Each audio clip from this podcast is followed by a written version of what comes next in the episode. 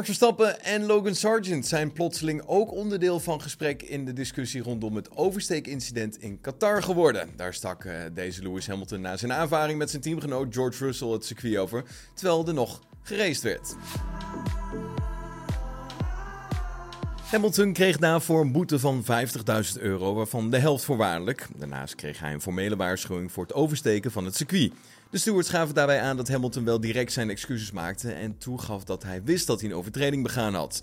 De FIA heeft de zaak nu alsnog heropend, onder andere vanwege een voorbeeldstatus van een coureur als Hamilton. Zij vrezen namelijk dat jonge rijders zijn voorbeeld gaan volgen.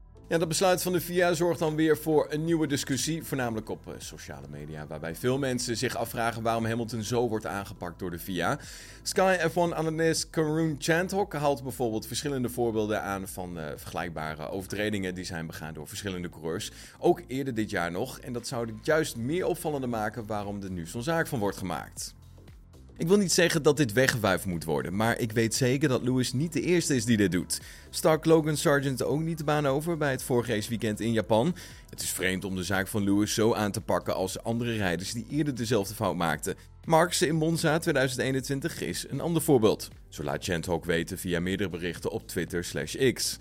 Na de aanvaring van Verstappen en Lewis Hamilton in 2021 op Monza ja, ging de Nederlander inderdaad wandelend terug richting de paddock. Een vergelijkbaar vergrijp waar Hamilton dus nu flink voor wordt bestraft.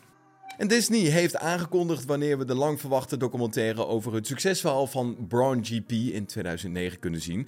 Het goede nieuws is, ja, het duurt niet zo lang meer. Braun The Impossible F1 Story is vanaf 15 november te zien op Disney+. In de documentaire zijn niet eerder vertoonde beelden te zien en komen alle hoofdrolspelers aan het woord. Naast Braun, Button en Barrichello zijn onder meer ook Rebel teambaas Christian Horner en Nick Fry te zien, de rechterhand van Ross Braun. En Hollywoodster Keanu Reeves is ingeschakeld als presentator. Ja, en tijdens het Grand Prix weekend in Qatar dicteerde Pirelli de bandenstrategie, want door een probleem met het rubber mochten de stints niet langer duren dan 18 ronden. Rebel Racing teambaas Christian Horner onthult dat hij er niets voor zou voelen als dit vaste prik zou gaan worden. In de Formule 1 zijn er maar weinig variabelen om mee te spelen als team. De tactiek hoort daar uiteraard nog wel bij, al werd dat door een ingreep van Pirelli in Qatar voor één race uitgeschakeld. En Horner, ja, die geeft aan dat het voornamelijk maar bij een eenmalig iets moet blijven. Vanuit het oogpunt van veiligheid begrijp ik volledig waarom ze het hebben gedaan. Ja, de RB19 is juist erg goed voor de banden en juist dat voordeel viel dus weg.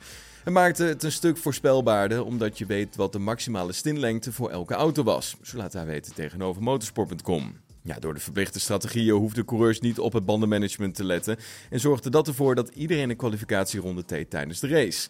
Maar toch wil Horner dat dit niet een standaard iets wordt binnen de sport. Ik denk dat je de vrijheid moet geven en dat creëert creativiteit. Verplichte pitstops, nou, het zal gevolgen hebben voor het einde van de kwalificatie en hoeveel ronden je rijdt in de kwalificatie om banden te sparen voor de race. Dus voor mij slaat dat nergens op. Je wilt de snelste race rijden en of dat nu met 1, 2 of 3 stops is, ja, dat is waar we moeten zijn. Al dus de teambaas van Red Bull Racing. En net zoals in Qatar beleeft het raceweekend in Austin dit weekend een sprintrace. Dat betekent dat de teams en coureurs slechts één vrije training hebben om de juiste afstellingen te gaan vinden. De eerste vrije training begint deze vrijdag om half acht in de avond. Inderdaad, het zijn wat andere tijden. En om 11 uur is de vervolgstijd voor de kwalificatie voor de hoofdrace van zondag. Zaterdag is dus een aparte dag. Die begint om half acht in de avond met de sprint shootout.